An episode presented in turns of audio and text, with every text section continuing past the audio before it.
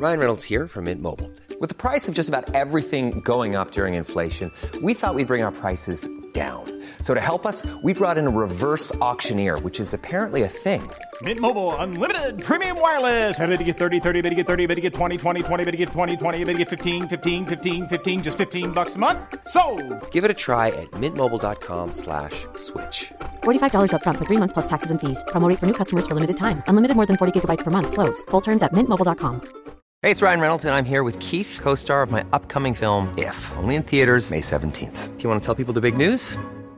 All right, I'll do it. Sign up now and you'll get unlimited for $15 a month in six months of Paramount Plus Essential Plan on us. Mintmobile.com slash switch. Upfront payment of $45 equivalent to $15 per month. Unlimited over 40 gigabytes per month. Face lower speeds. Videos at 480p. Active Mint customers by 531.24 get six months of Paramount Plus Essential Plan. Auto renews after six months. Offer ends May 31st, 2024. Separate Paramount Plus registration required. Terms and conditions apply if rated PG. I dag har vi publisert et nytt intervju på vår Patreon-kanal. Og det intervjuet er gjort med en materialekspert som har skrevet doktorgrad for å forstå litt mer om det her halvledernyhetene vi har hørt som mange snakker om kanskje kan forandre verden. Så vi gikk til eh, en lytter som er legitim ekspert på det her, og så får vi ordentlig svar på det. Så den, kan, den eh, er nå å finne på vår Patreon. Patreon.com skråstrek ti deg penger. Uh, og I den forbindelse så publiserer vi et intervju vi har gjort tidligere. Vi gjør det alltid når vi legger ut et nytt intervju. Så legger vi ut et gammelt intervju til dem som ikke betaler på Patron. Og det her er med Robin Wigglesworth, Norges egen Robin, Robin Wigglesworth, som er redaktør i en av uh, publikasjonene til Financial Times, og uh, virkelig en som er verdt å høre på. Så la oss klippe inn til sånn vi starta episoden for nesten ett år siden. Ja, en ekstraepisode i dag, og vi har uh, vår egen uh, Da snakker jeg om Norge. Vår egen Financial Times-stjerne, uh, Robin Wigglesworth, som er også forfatter av ei uh, anerkjent bok om finansmarkedene, som heter Trillions, spesifikt om indeksfond. Og vi fikk mulighet til å snakke med han i en time, eller jeg snakker med han nå i en time, og du har nettopp hørt opptaket, Peter. Hva syns du? Jeg syns det er veldig bra. Ehm, jeg har jo lest boken som jeg har nevnt eh, tidligere, og syns den er Nei, det var, det var hunden som gjerne ville ut. Uh, uh, les boken som jeg tidligere har uh, nevnt. Og, men det som var interessant, var jo egentlig å høre om bakgrunnen til Eh, til Robin, altså hvor, hvordan og, og, den biten. For det kjente jeg ikke til. Jeg har bare, jeg har aldri truffet ham. Jeg, jeg så han uh, ved en anledning i, uh, i en presentasjon som, som oljefondet hadde. Så, det, så, dette var interessant på den måten, syns jeg, da. og det er jo, altså Han er jo en kar med, med stor erfaring. altså Begynte da på, på Midtøsten-desken. og er liksom, Jeg kranglet med han en gang. Det var da jeg, ble virkelig oppmerksom på han. Da jeg skrev en, en blogg som var uh, Dette var vel i 2020 i forbindelse med covid. som Uh, som var kritisk til hvordan Financial Times hadde uttrykt et eller annet i, for, i forbindelse med Det var for øvrig i, forbindelse med statsobligasjonsmarkedet i, uh, i, USA. Du kan jo eventuelt legge ved linken til, til den. Fordi han kom på og kommenterte den, og, og, jeg kommenterte det han sa. Så det var ganske interessant. Men det som Eh, jeg, jeg syns eh, altså, i ettertid, hvor jeg har blitt mye mer oppmerksom på, eh, på, på det han skriver, er jo, er jo kunnskapen hans. Altså den, det generelle kunnskapsnivået som han har, som er fenomenalt. Og, og misunnelsesverdig. Og, og, og, kan, også inni, inni, den så er det en annen ting som jeg, som jeg er veldig enig med han i, og det er han nevner noe om at det er mindre Eh, han skulle ønske at man var mer ambisiøs innenfor finans i, i, Norge. det være seg. Så Han tror jeg sikter kanskje til journalismen, men, men jeg mener jo det gjelder, gjelder generelt. Det er, så, det er, så, snevert. altså I forhold til utenlandske investeringsbanker så er det så snevert det man, man gjør i Norge. Man forsøker egentlig ikke å, å bre ut finans. Um, fordi alt handler om, om, om, salg og umiddelbar uh, økonomisk hva heter det for noe, gratification. Jeg er ikke sikker på hva det heter på norsk. men uh, men jeg, jeg syns jo at uh, dette, dette, intervjuet var akkurat sånn som jeg hadde håpet at det skulle være, for å si det på den måten. Skal vi bare starte, da? La oss gjøre det. Robin Wigglesworth, Forfatter av boka 'Trillions'. Redaktør i Financial Times Alphaville. Veldig aktiv på Twitter. Anbefaler på det sterkeste å søke han opp på Twitter. Robin Wigg, tror jeg han, han heter på Twitter. Og du kan også kjøpe boka, noe jeg anbefaler deg å gjøre. Link ligger i beskrivelsen på Patrion. Det ligger beskrivelsen hvis du hører den via en app. Det ligger e-posten vi sender ut, og du finner den også på sida vår, tidapengen.no skråstrek bokanbefalinger, tror jeg det heter. Uh, finner den der. Så, kan, jeg, kan jeg, bare skyte inn en ting, siden du nevner det der, at dette var jo ikke et eh, var fra Disclosure, dette var jo ikke et sponset uh, intervju. Dette var et intervju hvor vi, vi, søkte ham opp rett og slett fordi vi ønsket å høre storyen hans. Jeg lurte på hvorfor, hvordan man kan bli så, en så mektig person i finans-London, og i egentlig verdensfinans, som en helt vanlig person fra Norge, egentlig. Jeg syns han svarer godt på det òg, jeg. Syns også det. Men da tror jeg vi går i gang. Eh, nei, hvordan er det å være nordmann i, i London? Uh, nå ser vi jo på en måte Nå ser vi jo hvordan England er eh, veldig i norsk presse. Det er jo store nyheter akkurat nå. Ja. Eh, klarer du å forstå kulturen der, føler du? Ja, altså jeg vokste opp her i Norge, men faren min er jo engelsk. Så, så, jeg plukker opp en del gjennom det. Jeg har fortsatt mye familie der, og jeg bodde der og studerte der. Så jeg følte meg ganske engelsk når jeg vokste opp i Norge, for jeg hadde det såpass rart etternavn.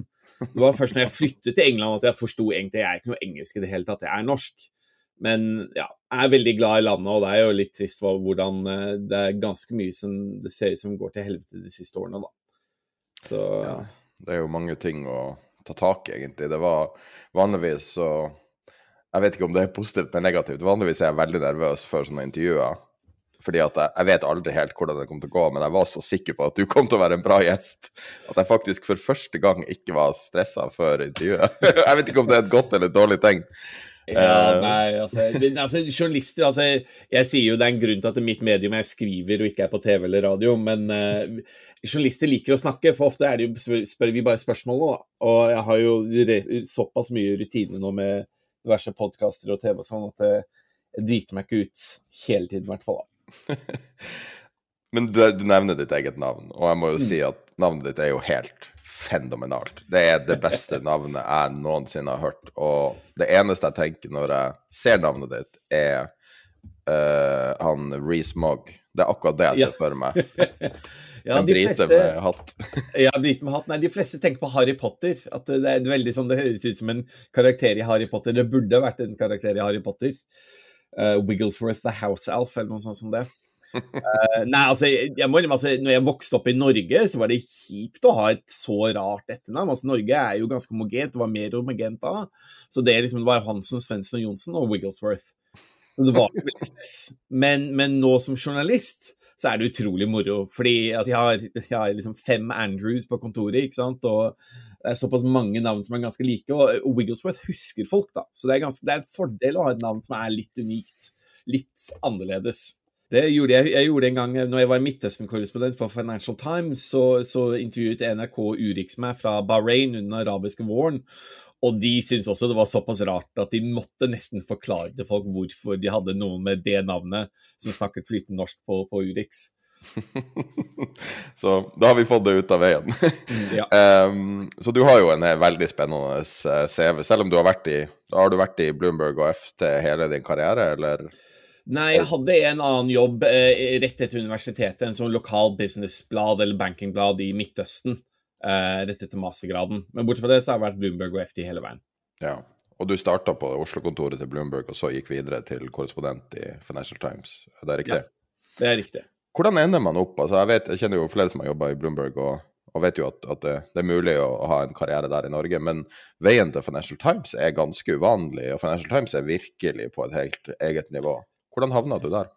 Ja, mye tilfeldigheter. altså Det er jo det som ofte er hemmeligheten, ikke sant. Um, nei, altså jeg hadde studert i utlandet. Jeg visste egentlig at Det var ikke sånn at jeg var anti norske aviser, men jeg visste jeg hadde lyst til å prøve å jobbe ute uansett, fordi jeg hadde en engelsk far, så liksom alltid sett litt mer utover.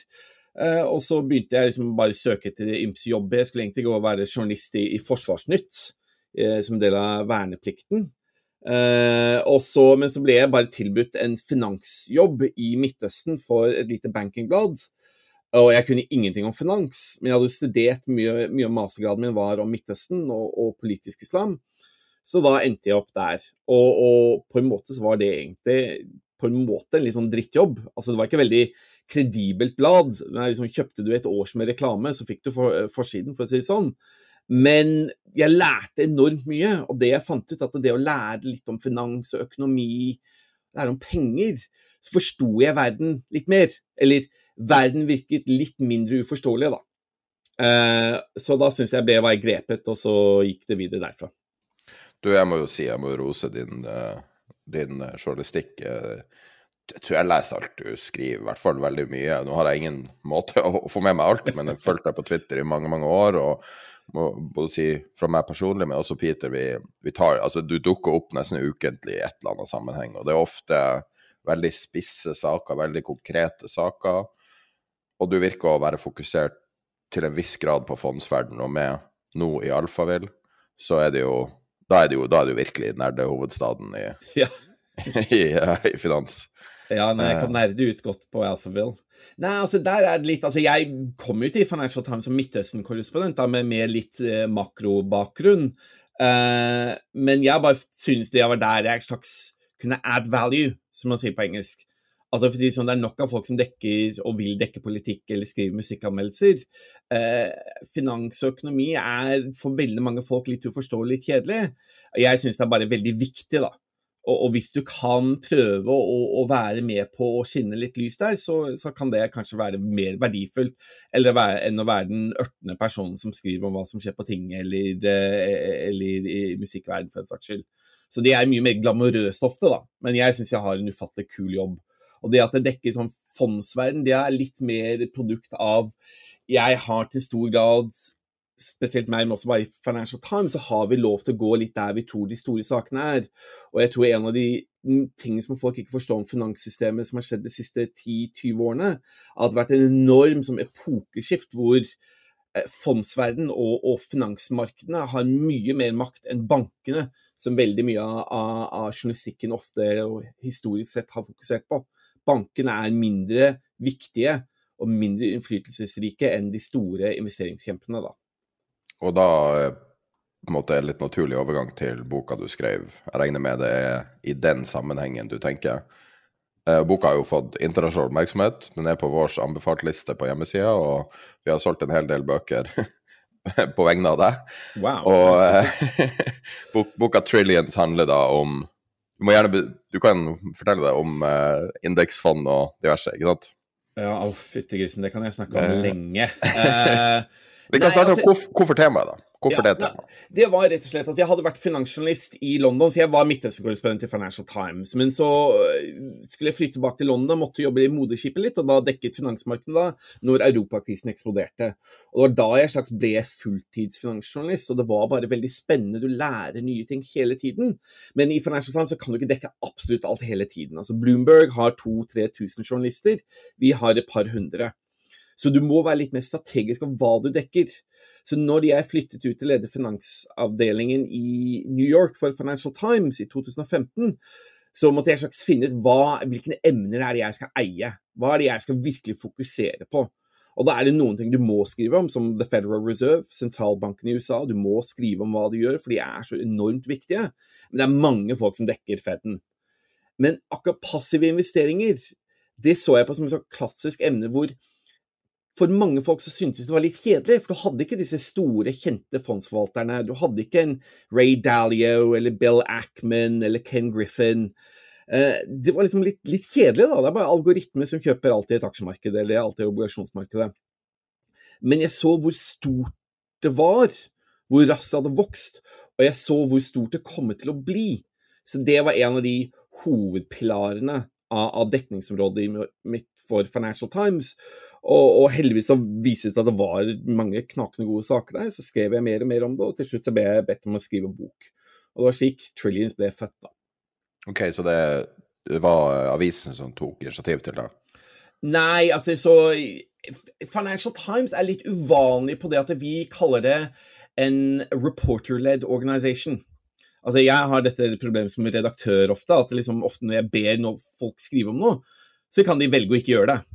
Altså, noen ganger kan jeg si at de må gjøre det, men da må det liksom være litt brysk i stemmen noen ganger. Eh, men vi liker at folk går ut og finner de store sakene selv. Vi stoler på journalistene, at de må vise litt nyhetsteft og initiativ, og kan til stor grad velge ut sine egne fokusområder. Så jeg valgte passive investeringer. Det var ikke alle i Financial Times som syntes det var egentlig så spennende, men så klarte du å vise hvorfor det var viktig, og så ble det en, ganske, en styrke for FT. Og så skrev jeg en magasinartikkel om fødselen til indeksfond. Så det var litt mer sånn fargerik artikkel, hvor jeg intervjuet mange av de folkene, ofte liksom de 70-årene, 80-årene og 90-årene, noen av dem døde mens jeg skrev den magasinartikkelen, om hvordan indeksfondet ble født. Og det gjorde jeg ut av eget initiativ, og det ble Den så en bokagent, og derfor ble Trillions født. Så spennende. Herregud. Jeg må si at jeg, jeg, kjente ikke alle detaljene av karrieren, og det dukker opp så mange ting her. Det er så mange ting å ta tak i. Men Alles liv er jo mer komplisert ikke sant, når man begynner å grave da, litt inn i det. Men, men alle har ikke vært sendt jorda rundt av Financial Times.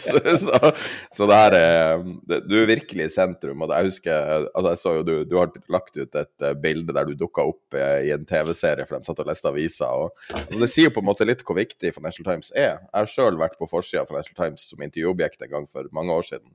Og da husker jeg Altså, jeg bare var med i en liten sak, jeg var ikke noe viktig i den. Eh, og, og, da husker jeg en uh, professor jeg hadde på universitetet, sendte meg melding med en gang. Noen jeg aldri hadde hørt fra. og, og, det sier litt om bredden. ikke sant? Sitte på andre sida av jorda og lese aviser som, som, alle leser. ikke sant? Og det er jo på en måte, det er jo standardsetteren i finans. Ja, Nei, og jeg er, for å si sånn, liksom, Når du jobber i et sted, så er, blir man ofte litt, kanskje litt blasé og blir litt sånn avslappet og, og, hvordan det er der. Og jeg klager jo over ting hele tiden, jeg også. Men det er en helt fantastisk avis. Det er jo en grunn til at jeg har fortsatt å jobbe der så lenge. Eh, det er utrolig moro, og du jobber med utrolig smarte folk. Og ja, du, du har liksom litt ærefrykt over innflytelsen du har, da. Det husker det særlig under europakrisen, altså hva Financial Times skrev om Hellas og Spania og Tyskland. og, og plutselig sa finnene noe, ikke sant? og så plutselig begynte aksjemarkedene å kaste opp. Uh, du, veldig, du, litt, du, må ha litt ærefrykt over, over, ansvaret da, som kommer med å jobbe i en avis som Financial Times. Og det er utrolig gøy. Det er det. Og, og litt skummelt noen ganger. Uten å snakke drit om noen, hva syns du om norsk finansmedia? Nei, altså Mange har spurt meg om dette her, og jeg sliter litt med det. Eh, jeg syns det er litt mangel på ambisjoner. Eh, og da snakker jeg ikke om nødvendigvis eh, bredden av hva de skriver om, og hva de skriver om, det er liksom litt dybden, da. At de undervurderer hvor smarte folk er, og hvordan du kan egentlig forklare ganske kompliserte, men viktige ting til folk flest. Jeg tror det er en, en, en, det er en fristelse å alltid dumme litt ned dekningen, fordi du må favne bredest mulig. Du kan ikke bare snakke til 300 folk bak Aker brygge, eller 3000 folk i hele Oslo by. Du må liksom gå til et bredere nedslagsfelt. Og, og jeg tror kanskje frykten er at du, jeg syns de går kanskje noen ganger litt for bredt, eller undervurderer hvor mange folk sånn generelt vil forstå verden. Og for å forstå verden, så trenger du å forstå pengeverden også, mener jeg. Uh, så jeg skulle gjerne litt sett at uh, norsk finanspresse og økonomipresse bare var litt Ikke bare snakket til kjerneleserne og så hadde en sånn generell dekning her og der, men faktisk var ambisiøse Eh, på hvordan de skrev det, og hva de skrev om, hvor ofte de skrev det. Fordi kunnskapen ofte er der. Det er veldig mange dyktige finansjournalister i Norge. Men jeg tror noen ganger så får de ikke alltid sjansen til å vise det, da, er mitt inntrykk.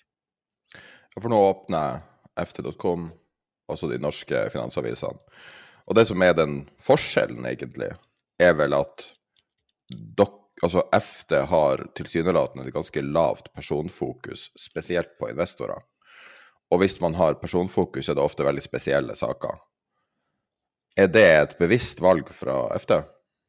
Nei, altså noe av det er liksom litt form over substans, hvor Altså helt klart en av de tingene jeg forbarmer meg over i norsk og nordisk presse generelt, for jeg pleide å lese liksom, Dagens Industri og Børsen ganske ofte også, er hva jeg kaller liksom, talking head-journalistikk hvor du skal skrive om detaljhandelen eller uh, oljepriser eller eiendomspriser eller noe sånt, noe stort og viktig nå, men så får du bare en fotogen analytiker fra en eller annen investeringsbank eller tankesmie som sier noe, og så stenger de opp på forsiden. Og det er basically bare en Q&A.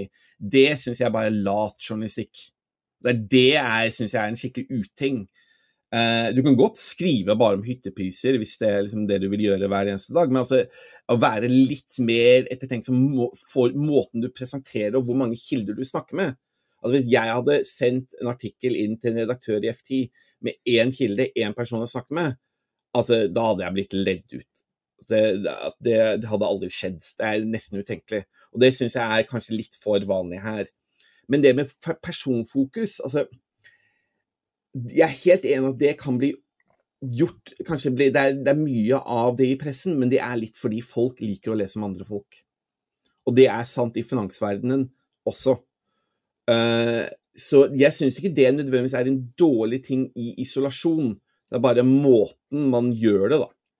Så jeg syns det er helt greit at de skriver om store investorer, kjente analytikere, kjente økonomer. Vi har kjendiser i Financial Times også.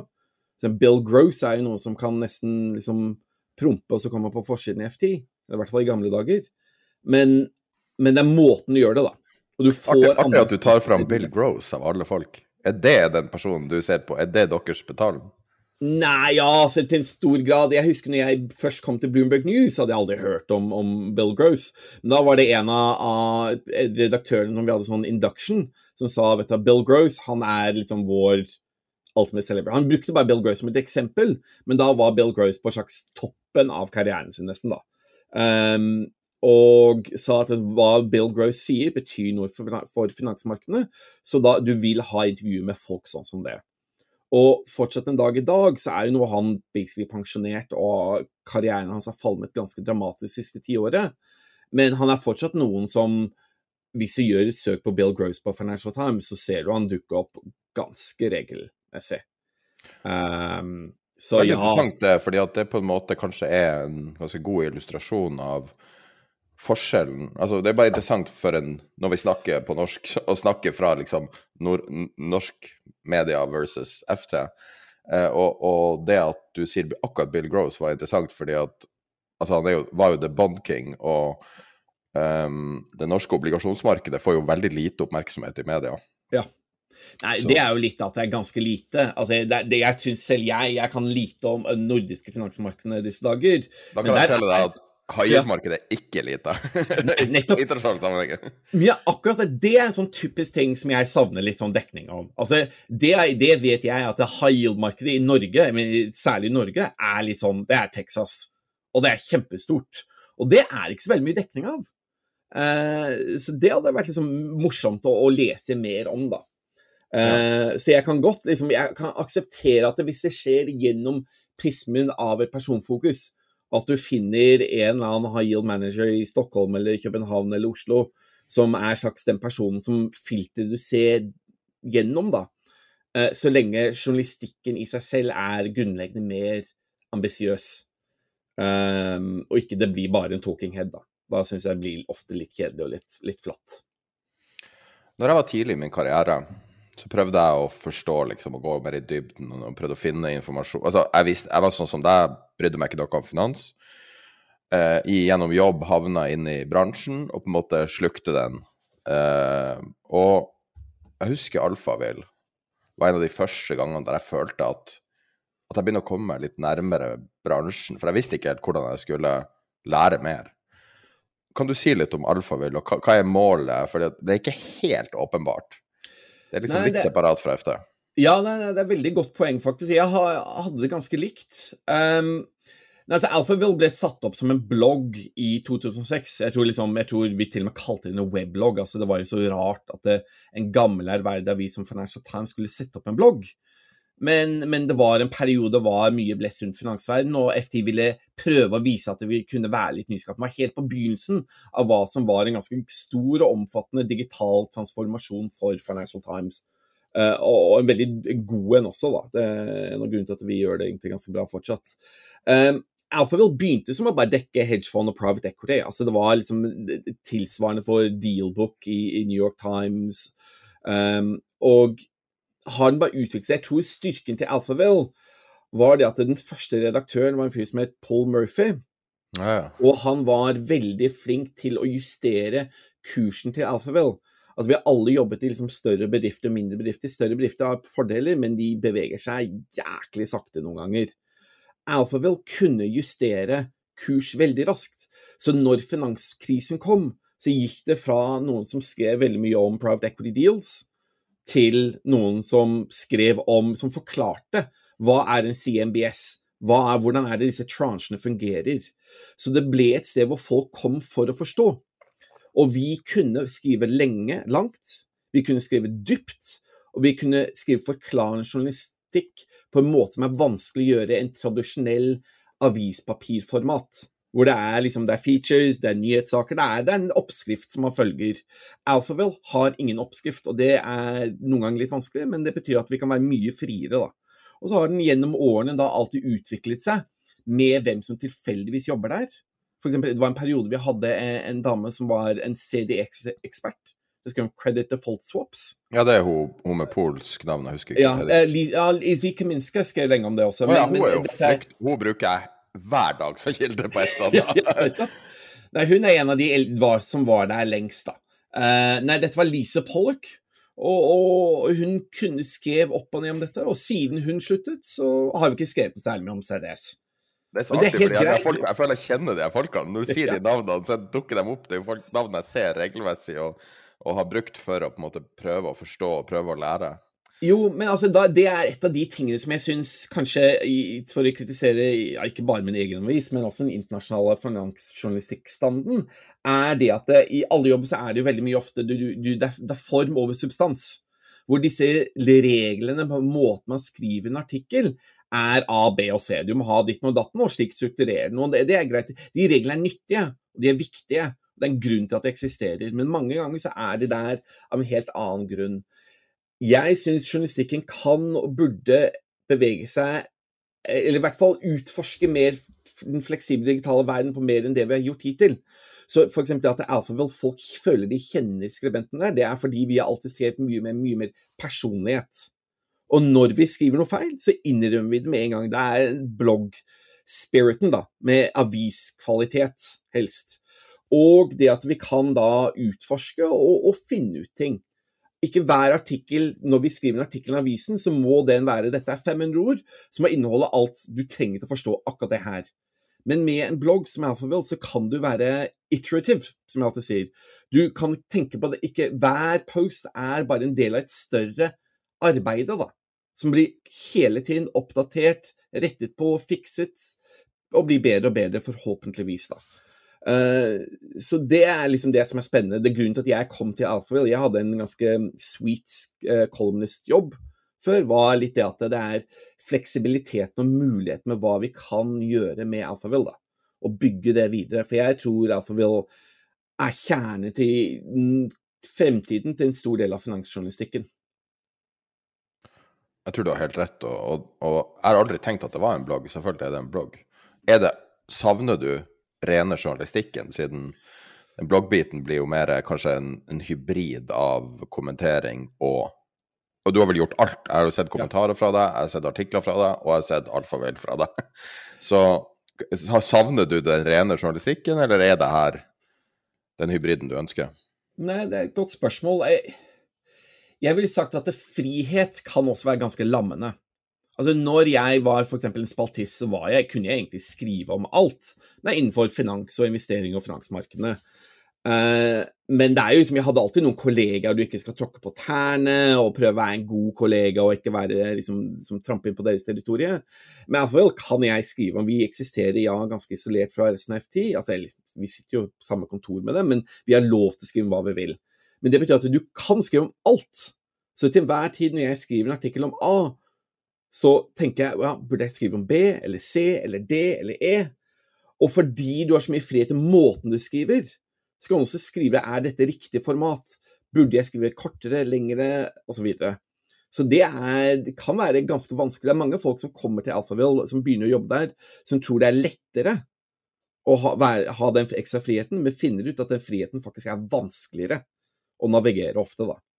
Men altså, Alphaville fordi vi kan gjøre alt. Jeg kan egentlig gjøre en helt streit, vanlig avisartikkelstil for Alphaville. Det hadde kanskje sett litt rart ut, men vi gjør det noen ganger. Noen ganger så er det noe ganske streit nå. Jeg skrev en, en profil av eh, en analytiker som er ganske kjent i vår verden, Petter Zoltan Possar.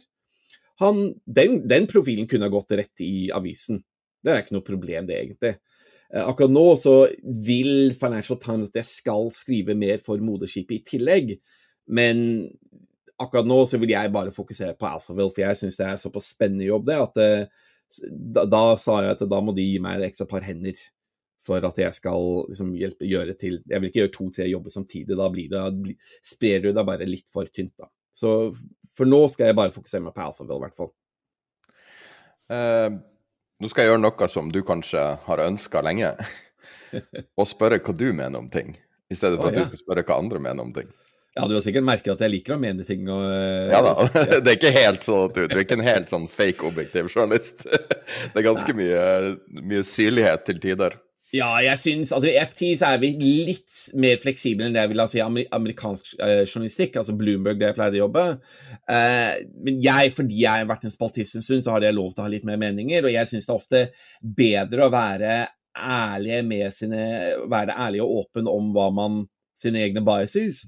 Men også være veldig villig til å skifte mening. Altså, jeg endrer mening hele tiden, ikke sant. Jeg tar feil hele tiden. Og det syns jeg er litt viktig, å være litt ydmyk av hvor mye man driter seg ut. Uh, og det gjør jeg hele tiden. Så det får jeg høre fra barn og kone også. Så det hjelper. Så da kan jeg spørre. Hva er ditt syn på markedet akkurat nå? Vi er med krig, inflasjon, kvantive lettelser, potensielt eh, regimeskifte i Altså dobbelt regimeskifte i England. Um, hva, hva er, hvordan skal vi tenke om ting nå? Ja, altså, det er mye som skjer. Um, skal jeg dele svaret kanskje i to. da. Altså For det første så vil jeg sagt at vi tror alltid at vår egen tid er unikt, kaotisk og vanskelig og uforutsigbar. Alt var bedre før. Men sånn er det ikke. Er det faktisk bedre nå eller verre nå enn det var sånn kald krig og sånn? Altså, det, jeg tror vi alltid synes at alt er veldig forvirrende i vår egen tid, og undervurderer at alle folk som kom for, før oss, følte akkurat det samme. Alle som kom etter oss, følte akkurat det samme. Så finansmarkedene har alltid mye å, å hanske med, og jeg tror dette er føles ut som veldig mye akkurat nå for meg, men, men vi må være litt ærlige og si at det, du hva, det har vært tøffe tider før også. Um, og så må jeg innrømme at én ting jeg ikke liker å mene noe om, er faktisk hvor finansmarkedene skal. Fordi altså, Mye av jobben min er jo å snakke med folk som er enormt mye smartere enn meg. Altså enormt mye smartere enn meg. Som har viet hele livet sitt til å forstå finansmarkedene. Og jeg ser og hører at de driter seg ut hele tiden. Så da må man være ydmyk om hvor mye man selv kan. Jeg tror ikke markedet er effisiente, egentlig. Jeg tror at markedene gjør veldig mye dumt, slik mennesker gjør. Men jeg tror det er veldig vanskelig å forutsi ahead of the game at hva som kommer til å skje. Eh, og i hvert fall timemarkedene, det vet jeg. Altså selv de flinkeste investorene jeg kjenner som er dyktige, som har alfa, som man kaller det, som har eh, god avkastning, liksom liker ikke å time finansmarkedene. Um, så, så jeg, jeg må, en annen type sånn finansjournalistikk som jeg ikke er glad i, er sånn nå må du kjøpe, nå må du selge, her er fem hotte aksjer, her er fem aksjer å unngå. Sånn syns jeg er Altså, i beste fall bare bråk. Og i verste fall faktisk ødeleggende for folks finansielle helse. At vi vet dette her. Alle studier viser at det letteste og det beste å gjøre er å bare sitte på hendene og ikke gjøre mye, og ha en langsiktig spareplan og ikke tenke på hva finansmarkedet gjør fra en uke til neste uke og neste måned og neste år. Um, så ja. Det er alltid et spørsmål. Jeg får ofte spørsmål om for Financial Times. Kan du ikke skrive om hva folk burde gjøre om X? Og jeg bare Jeg vil ikke liksom talk my book, men da sier jeg alltid ja, de burde kjøpe et kjedelig indeksfond og glemme det. Og slappe av og ta seg en øl og ikke tenke mer på det. Så da svarer jeg det her også, da. Du kjenner ditt publikum? Litt, litt øl? litt øl. Litt øl, litt vin. Nå fikk, du, nå fikk du et sånt spørsmål, sånn som du sier om alfavill. Du fikk et åpent spørsmål, og det er vanskelig å svare på det. Så kan jeg, jeg kan snevre det litt inn, da. Mm. Uh, hvis vi da tar ditt felt du skrev om i uh, Trillions, mm. hva tror du er på en måte den store arven etter den her monsterindeksifiseringa av finansmarkedet, der vi har flere eh, Kall det hva du vil, ETF-er, bare for å bare bruke det som et samlebegrep, eh, enn du har underliggende verdipapirer. Og du har enorme summer inn i de forskjellige. Hva tror du blir den store takeawayen, eller hva blir arven etter det?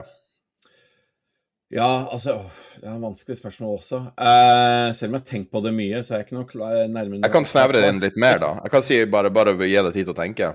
Uh, for det første, så det er veldig mange som fokuserer at det er flere indeksfond enn en det er, og, en det er liksom, uh, individuelle aksjer i verden.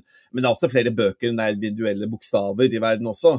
Så, så det trenger ikke bety noe, egentlig. Og jeg tror på mange måter, og jeg har jo skrevet en hel bok om hvordan indeksfond er en enormt viktig og stor innflytelsesrik um, oppfinnelse, og det mener jeg. Jeg føler kanskje nå at vi er på grensen til å nesten overvurdere hvor viktig det er også. Altså, folk sparte i tilsvarende indeksfond i et århundre. Det var bare at disse late, aktive forvalterne sa ikke at de bare kjøpte alt i hele markedet, og de bare tok seg grovt betalt for å gjøre det.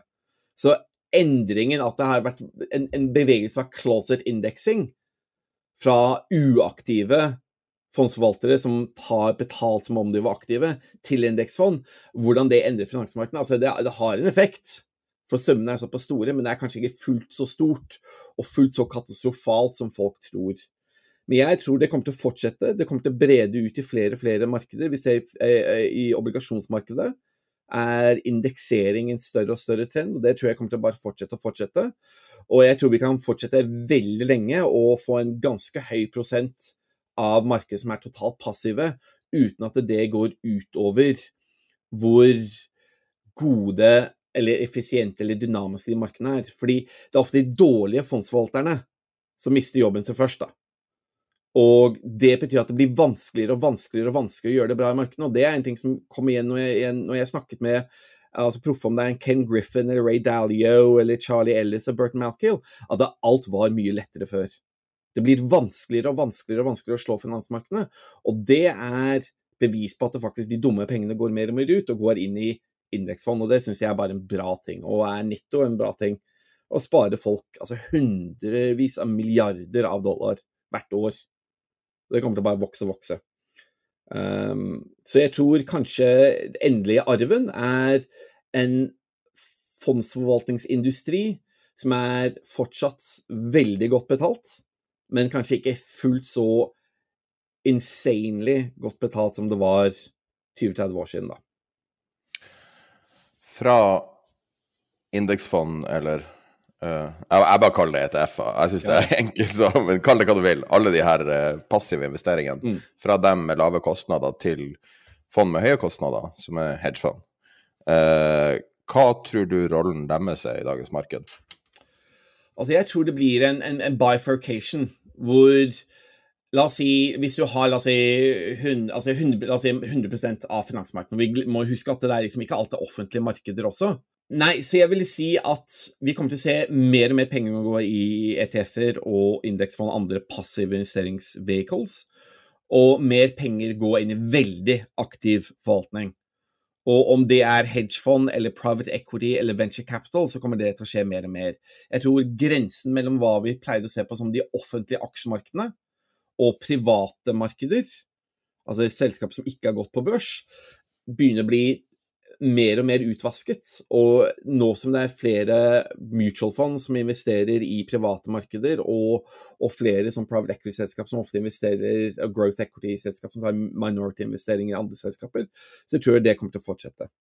Så jeg tror det som kommer til å være vanskelig, er å være en helt standard eh, aktiv fondsforvalter som dekker de store amerikanske selskapene eller de store europeiske selskapene eller de store norske selskapene.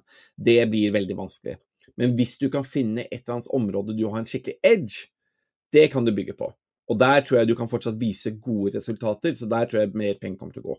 Så jeg tror pengene kommer til, det kommer til å være en barbell, da.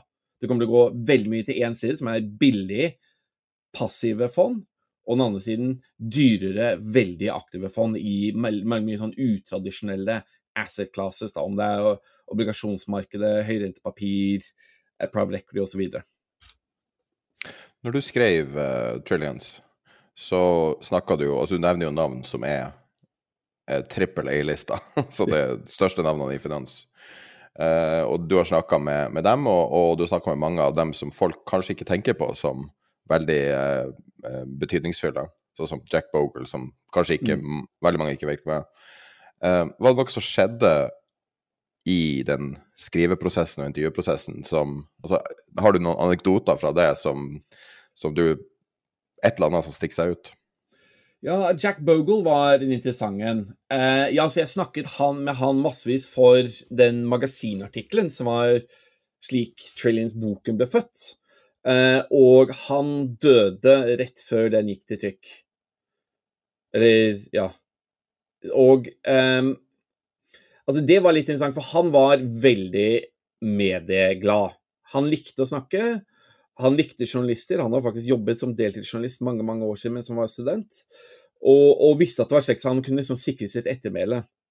Men jeg syns fortsatt, selv om folk hadde fortalt meg om dette her, og jeg fikk aldri møtt han person to person, han var noen hvor personligheten bare strålte selv gjennom telefonrøret. Altså, han hadde the voice of God, som man kaller det. Altså en, en, en utrolig Altså, tykk, sterk stemme. Selv når jeg snakker med han, så var han veldig nærme på å dø. Han ringte meg på vei til sykehus hvor han døde, for å sjekke om jeg hadde alt jeg trengte for artikkelen min. Uh, og, og, selv da var stemmen hans kjempesterk. Han bare sa nei, Robin, jeg ville bare, bare ringe, jeg skal til sykehuset, og du vet, jeg, jeg er i jævlig dårlig form. Så jeg vil bare sjekke at jeg vet ikke helt når jeg kommer ut om hva som skjer her, men har du alt det du trenger? Ja, ja, ja, ja Jack, kjempefint, tusen takk, jeg setter veldig pris på det og sånn. Uh, men jeg tenkte faktisk ikke. Han var en av de folkene du tenker kommer aldri til å dø. For han var så full av liv, da. Så, men det husker jeg gjorde litt inntrykk. Og fortsatt en dag i dag så kan jeg høre stemmen hans i, i ørene mine noen ganger. Særlig når jeg skrev boken, da, så kunne jeg høre han, stemmen hans da jeg skrev ned sitatene. Så det var ganske gøy. Var han bekymra for ettermælet Altså, det ene er jo at det er billigere, men det er jo også blitt veldig konsentrert. Få institusjoner egentlig veldig vanskelig å vite om de institusjonene har en reell makt over, overfor selskaper. Jeg gjetter at de har mer enn du tror, men hadde han noen betenkeligheter overfor at så få selskaper skal ha så mye ressurser og så mye makt? Ja, det var han. Det var akkurat det han var mest bekymret for. Altså, han var veldig stolt over hva han hadde gjort med å grunnlegge Vanguard, som er verdens største, nest, nest største fondsforvaltningskjempe. da nesten åtte trillioner eller milliarder dollar under uh, management. Og uh, han var veldig stolt av det. Og når jeg sier sikre, etterme sikre ettermeldelser, så var det litt det at det, han hadde et over gjennomsnittlig behov, behov for å bli anerkjent. da. Jeg tror alle liker å være litt kjendiser, da, eller liker tanken på det og, og bli respektert. Han var, for han ble jo ikke en veldig, veldig rik mann av det han gjorde, så var hans store legacy var Vanguard. Så han elsket Vanguard til dagen han døde. Og han var veldig stolt over hvor billige de var.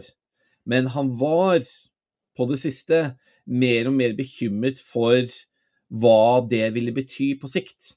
At i indeksfond så er du egentlig Du bryr deg ikke om forskjellen mellom Vanguard eller BlackRock eller State Street eller EMB.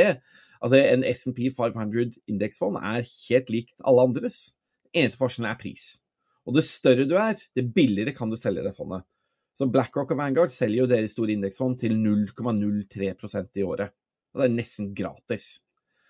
Uh, og han var redd for at konsekvensen av dette var at de største ville bare bli større og større og større. Og det ville komme et tidspunkt hvor det var så mye makt konsentrert i bare et knippe selskaper, at det ga han betenkeligheter. Så han var jo fortsatt veldig protective overfor Vanguard, men det var noe han var bekymret for, da.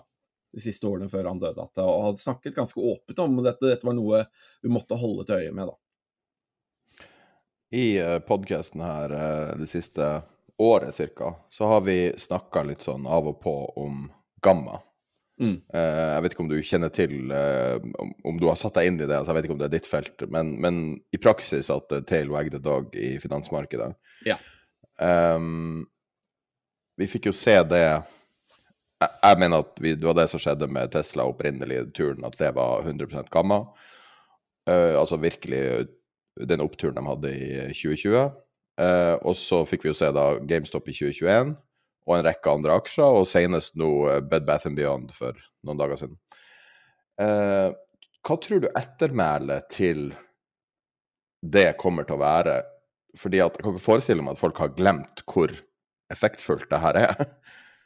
Ja, altså Finansmarkedene har alltid vært veldig prosykliske. Men ja, jeg har brukt veldig mye tid på å, å forstå hvordan den voksne opsjonsverdenen uh, gjør denne pro-cyclality og, og gamma traps uh, kan ha en stor effekt.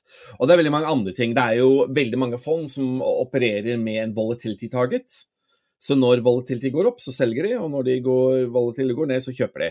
Og utrolig nok så funker det kjempebra som en risk management tool. Men hvis alle gjør det, betyr det at alle selger når aksjemarkedene faller. Så fallet blir enda større. Og når aksjemarkedet går opp, så kjøper alle. Så det er veldig mange krefter i aksjemarkedet som alltid er prosykliske. Da. Og jeg tror gamma er bare én av de. Jeg tror det er en veldig viktig en, da, særlig i noen av disse meme-stankene som vi så i 2021. da.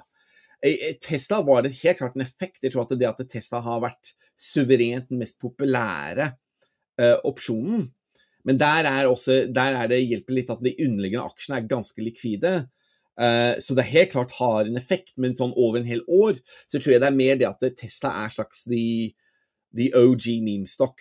The original gangster. Um, den var en meme-stock før vi begynte å snakke om meme-stocks, og den er så populær. Det er veldig mange som trodde at Tesla gikk opp pga. at de ble også inkludert i SP 500-indeksen, og pga. indeksfond. Vet du hva, Jeg har sett litt på flowene rundt det, og, og, og litt på messageboardene. og finansmarkedet er jo morsomme på det at hvis nok folk tror at noe er sant, så blir det sant.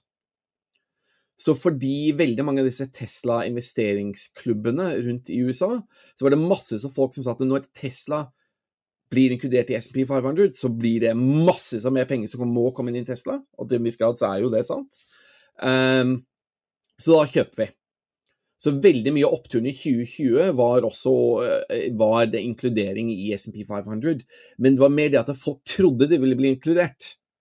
Så da blir det en self-fulfilling, at folk kjøper aksjen fordi de tror den skal gå opp, og da går den opp. Uh, og så Folk selger ikke Tesla ikke sant, for de har tjent så grovt mye penger på det. Men jeg er litt bekymret for det at det, Som jeg sa, jeg tror man tror alltid at det, dagen i dag er unikt forferdelig, og alt alt var bedre før. Og finansmarkedene har alltid vært ganske volatile og ganske prosykliske. Det er kanskje litt sånn menneskelig psykologi der. Eh, men jeg tror det er veldig mye som slags embedder det i DNA-et til markedet i dag. Og ga meg helt klart en stor del av det. Og jeg er litt redd for at det kommer til å bite us in the ass eh, mange ganger fremover. Men, men, forhåpentligvis når den store retail options trading-bølgen dør ned, og nå har jeg begynt å dø ned, det er ikke like ille som det var, så, så kommer det til å være en, en, litt mindre faktor, da. Håper og tror jeg. Jeg vet du har en uh, hard out nå om ikke så altfor lenge. Uh, så kan avslutte med Når vi har folk som er, er flinke å snakke og, og, og, har mange meninger om mange ting, så er det artig å bare stille, si mange ord og så få sånn friassosiasjonssvar. på, så hvis jeg kan gi deg Jeg, jeg skulle ha skrevet ned ca. ti ord nå. Ok. Bare si hva du, hva du, tenker om det. Jeg skal gi korte svar, da, for en gangs skyld. Skal prøve, i hvert fall. du vet når du må dra, så du, ja. du, kan balansere det sånn. Mm. Første Liz Truss. Vanskelig jobb. Hva syns du om henne som person? Nei, det vet jeg ikke. Altså, jeg tror hun er smart. Jeg tror det er, det er ofte lett å, å Folk blir, Politikere blir ofte karikaturer. Uh, jeg tror hun er smartere enn kanskje noen folk tror. Men jeg tror hun er også, og kanskje ikke fullt så dogmatisk som folk tror. For hun har endret. Hun har gått fra å være en supersosialist til å være en Lib Dem, til å være en moderat conservative, til å være en sånn brexit headbanger. Um, så jeg tror hun er, kan skifte meningen ganske raskt. Men jeg tror hun er ikke den riktige personen til riktig tid. Og Storbritannia har en veldig hard tid som de går i møte. Og, og brexit har selvsagt ikke hjulpet. Jeg, jeg mener personlig at det var en, en ganske episk feil. Eh, men det er veldig mange selvforskyldte skader eh, før brexit og deretter, som nå har blitt forverret og forsterket av hva vi ser i, i makroverden. Eh, hvor England har de dårligste Um, I G20 så har de de eh, dårligste utsiktene for vekst. De har noen høyeste inflasjonstallene. Uh, største statsgjelden. Uh, det er bare veldig mye som går skeis i Storbritannia akkurat nå. Så er, jeg er ganske bekymret for Storbritannia, det må jeg innrømme. Neste er generelt handelsvolum, men spesifikt da dybden i ordrebøkene, og hvor hvor um, mye det er mulig å kjøpe og selge? Altså, Likviditeten til markedet har vært et kjempehot topic nå i tiår. Det var en av tingene jeg skrev mest om jeg var borte i USA. Um, jeg tror det går litt i noe av det vi snakket om tidligere, at det er veldig mange prosykliske uh, uh, faktorer i finansmarkedene i dag. Og mer og mer av den likviditeten kommer fra algoritmer. Og det er billigere og mer effektivt i store mesteparten av tiden. Men helt klart at den likviditeten og handelsvolumene og dybden i ordreboken blir tynnere veldig, veldig raskt når det er ille noe som skjer. Um, jeg tror det er bare noe vi bare aksepterer. Og det har vært ganske store krakk i aksjemarkedene lenge før liksom, vi hadde datamaskiner. Så vi skal ikke alltid skylde alt på high frequency traders. Jeg føler at high frequency trading og sentralbanker og indeksfond har blitt litt sånn derre eh, litt sånn idiotiske bogeymen som man skylder på alt for, ikke sant. Uh, men er, vi må være klar over at finansmarkedene endrer seg hele tiden. Og nå beveger de seg veldig mye raskere enn det de gjorde før.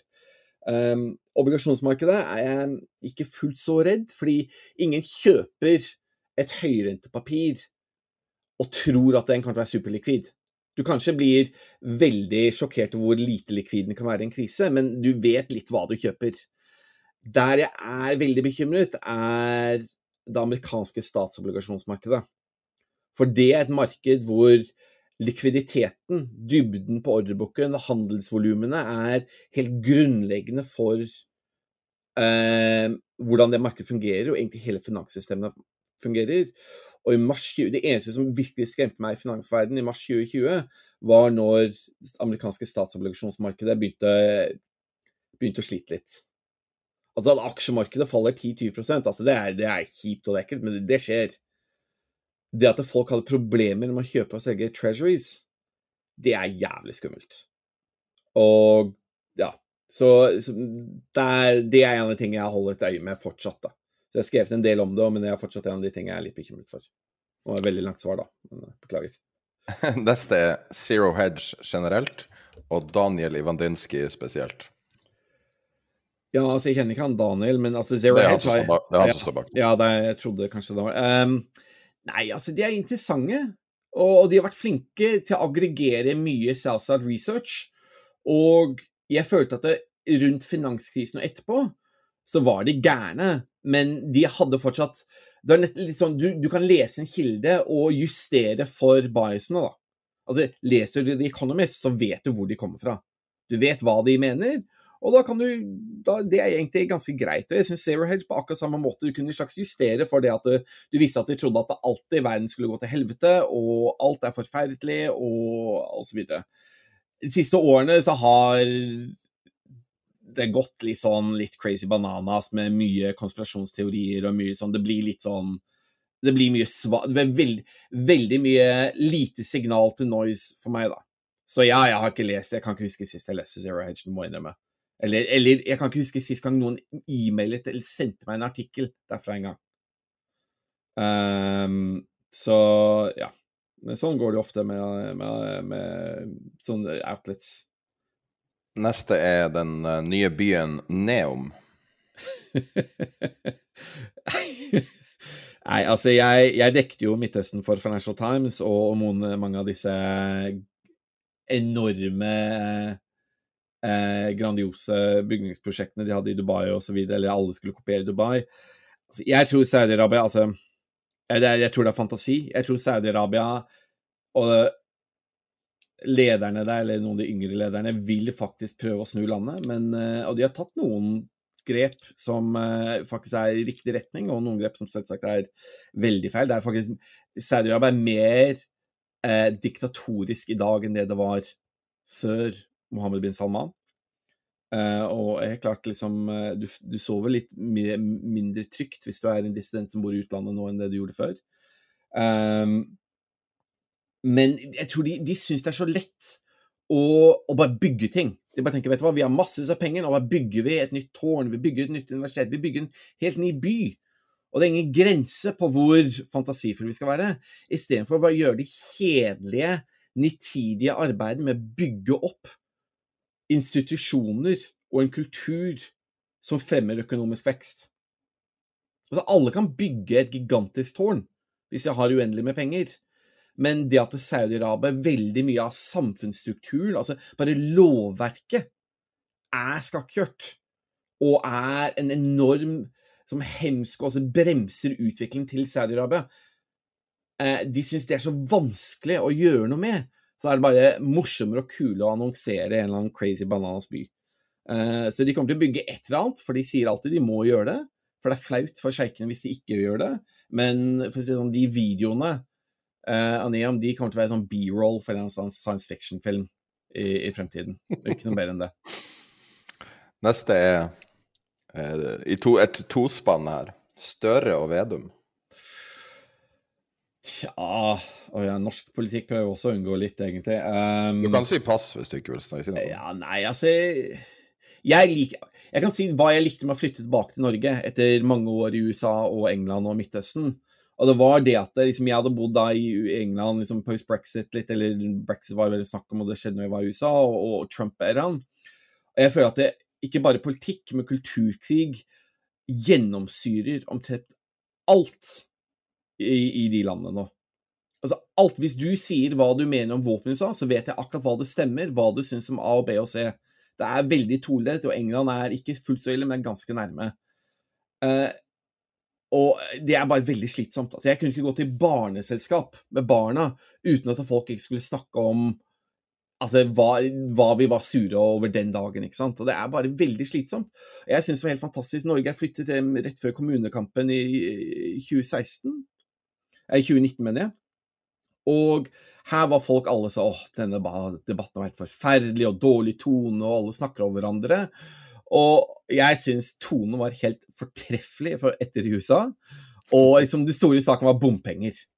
Det var det nordmenn bare som gikk liksom helt amok over. Bompenger. Hvor i USA, hvor folk var genuint og med rette bekymret over fremtidig demokrati. Så da syns jeg egentlig det at jeg har masse å utsette på, på veldig mange politikere og politikk i Norge I det store og hele så er det altså et privilegium å bo her, og helt fantastisk. Og syns sånn generelt at nordmenn klager egentlig altfor mye, da. Uh, hvis du har tid til å svare på et par til, så har jeg, har jeg tre-fire til. Okay. Wirecard. Wirecard. Uh, stor suksesssak for Financial Times. Eh, blir spennende å se om det er flere wirecards der ute, da. Nå som finansmarkedene er litt mer, uh, litt mer rocky og, og rente går opp det pleier å, å vise mye der ute. Da. Så jeg, det jeg ser etter nå, er, er, er, det flere av den størrelsen da, der ute. Da kan jeg, ta, da kan jeg hoppe, til, hoppe, over den neste og ta den etter det igjen. Mm. Elon Musk. Ja Jeg, jeg får han litt Jeg, jeg får, jeg har litt nok av ham. Altså, jeg, jeg, vil like han. Jeg liker folk som er litt utypiske. Jeg liker folk som sier liksom litt det de mener, at det ikke er bare grå og kjedelige. Jeg liker at han er ambisiøs, altså helt fantastisk ambisiøs. Men han altså, har jo altså, bare et enormt ego, da. Og, og jeg syns at det, det, er problematisk at han kjører over finanslovverket da, i USA nesten uten konsekvenser, virker det som. At han er too big to jail. Uh, og på en måte, Jeg vil ikke at han skal eie Twitter, fordi jeg, veldig, jeg bruker Twitter ganske mye som journalist. Jeg tror han har vært dårlig for Twitter. Um, men jeg håper han blir tvunget til å gjennomføre kjøpet. At han må forstå at det faktisk når du skriver i bindende avtaler, så kan du ikke bare backe ut for du bare ikke gidder lenger. Uh, så jeg, jeg, jeg har, har, fått litt nok av han, og, og håper at det kanskje han får seg en eller annen uh, tilbakeslag og lærer kanskje litt ydmykhet igjen, da. Bitcoin. Jeg, ser på klokka nå, jeg følger med klokka. ja, altså, bit, oh, herregud, det kan jeg snakke om i flere timer. Nei, altså okay, ta det på, Da tar du det på én setning, da. Ja, jeg, jeg, er, jeg, er, ingen fan av bitcoin eller krypto. Jeg syns det er uh, uh, en ganske finurlig og kul teknologi. Altså, jeg elsker tech og gadgets og, og, og alt nytt, egentlig sånn generelt, er jeg, har jeg biased mot, eller for, da. Uh, men jeg syns det er, dette historiebøkene kommer ikke til å reflektere godt over hvor mange folk som pumpet det opp, uh, og hvor mye det, penger det kostet veldig mange folk. For det er de, de som sliter mest, som kommer til å lide mest av dette. Så. Og siste, hvis du rekker å ta det, Goldman 6. Stor investeringsbank som ikke har sine glansdager akkurat nå. Eh, jeg har kontakter som jobber der og har jobbet der. Eh, det blir spennende å se hva Solomon får til. For akkurat nå så tror jeg de føler liksom de leter litt Ikke identiteten sin, men de er ikke helt liksom, De skyter ikke alle sylindere, da. Uh, men altså Jeg skal si at det er veldig mange smarte folk som jobber der. Altså, jeg har møtt folk i andre store fondsforvaltningskjemper og investeringsbanker hvor du bare tenker, vet du hva, du er faktisk ikke veldig smart. Uh, det er veldig farlig for meg å si det som journalist, da, men uh, men du møter folk som ikke, ikke imponerer, da. I Goldman Sachs så møter du veldig mange smarte folk. Uh, så, så, jeg syns det har vært litt interessant at det selv om det ikke er helt der de var før, og på mange måter Morgan Stanley har litt mer medvind, og JP Morgan er den store amerikanske bankgiganten, og det er mye bredere, så Goldman Sachs er fortsatt sånn the best of the best, da. Uh, i når det kommer til investeringsbankverdenen i USA, og i verden, egentlig. Tusen takk for du tok deg tid til å bruke litt tid på oss. Nei, bare hyggelig. Det var veldig morsomt. Og jeg lover jeg skal pushe bøker eh, for den store gullmedaljen. Det høres bra Det setter jeg veldig pris på. Nei, jeg syns det er veldig gøy når folk vil Jeg har mange meninger da, som jeg ikke alltid får uh, kommet ut med på, utenom finansverdenen. Det var det som var, jeg prøvde å fremprovosere. La dem mene så mye som mulig. Nettopp av den grunn. Even when we're on a budget, we still deserve nice things. Quince is a place to scoop up stunning high-end goods for 50 to 80% less than similar brands. They have buttery soft cashmere sweaters starting at $50, luxurious Italian leather bags, and so much more. Plus, Quince only works with factories that use safe, ethical, and responsible manufacturing. Get the high-end goods you'll love without the high price tag with Quince. Go to quince.com slash style for free shipping and 365-day returns. Want truly hydrated skin? Meet Osea's Body Care Breakthrough Hyaluronic Body Serum. It's clinically proven to increase hydration by 161%. It's lightweight, fast-absorbing, and delivers 24 hours of hydration for silky smooth skin without any sticky afterfeel. Treat your skin to clean vegan skincare from Osea. Get 10% off your first order with code SUMMER at OseaMalibu.com. That's O S E A Malibu.com code SUMMER.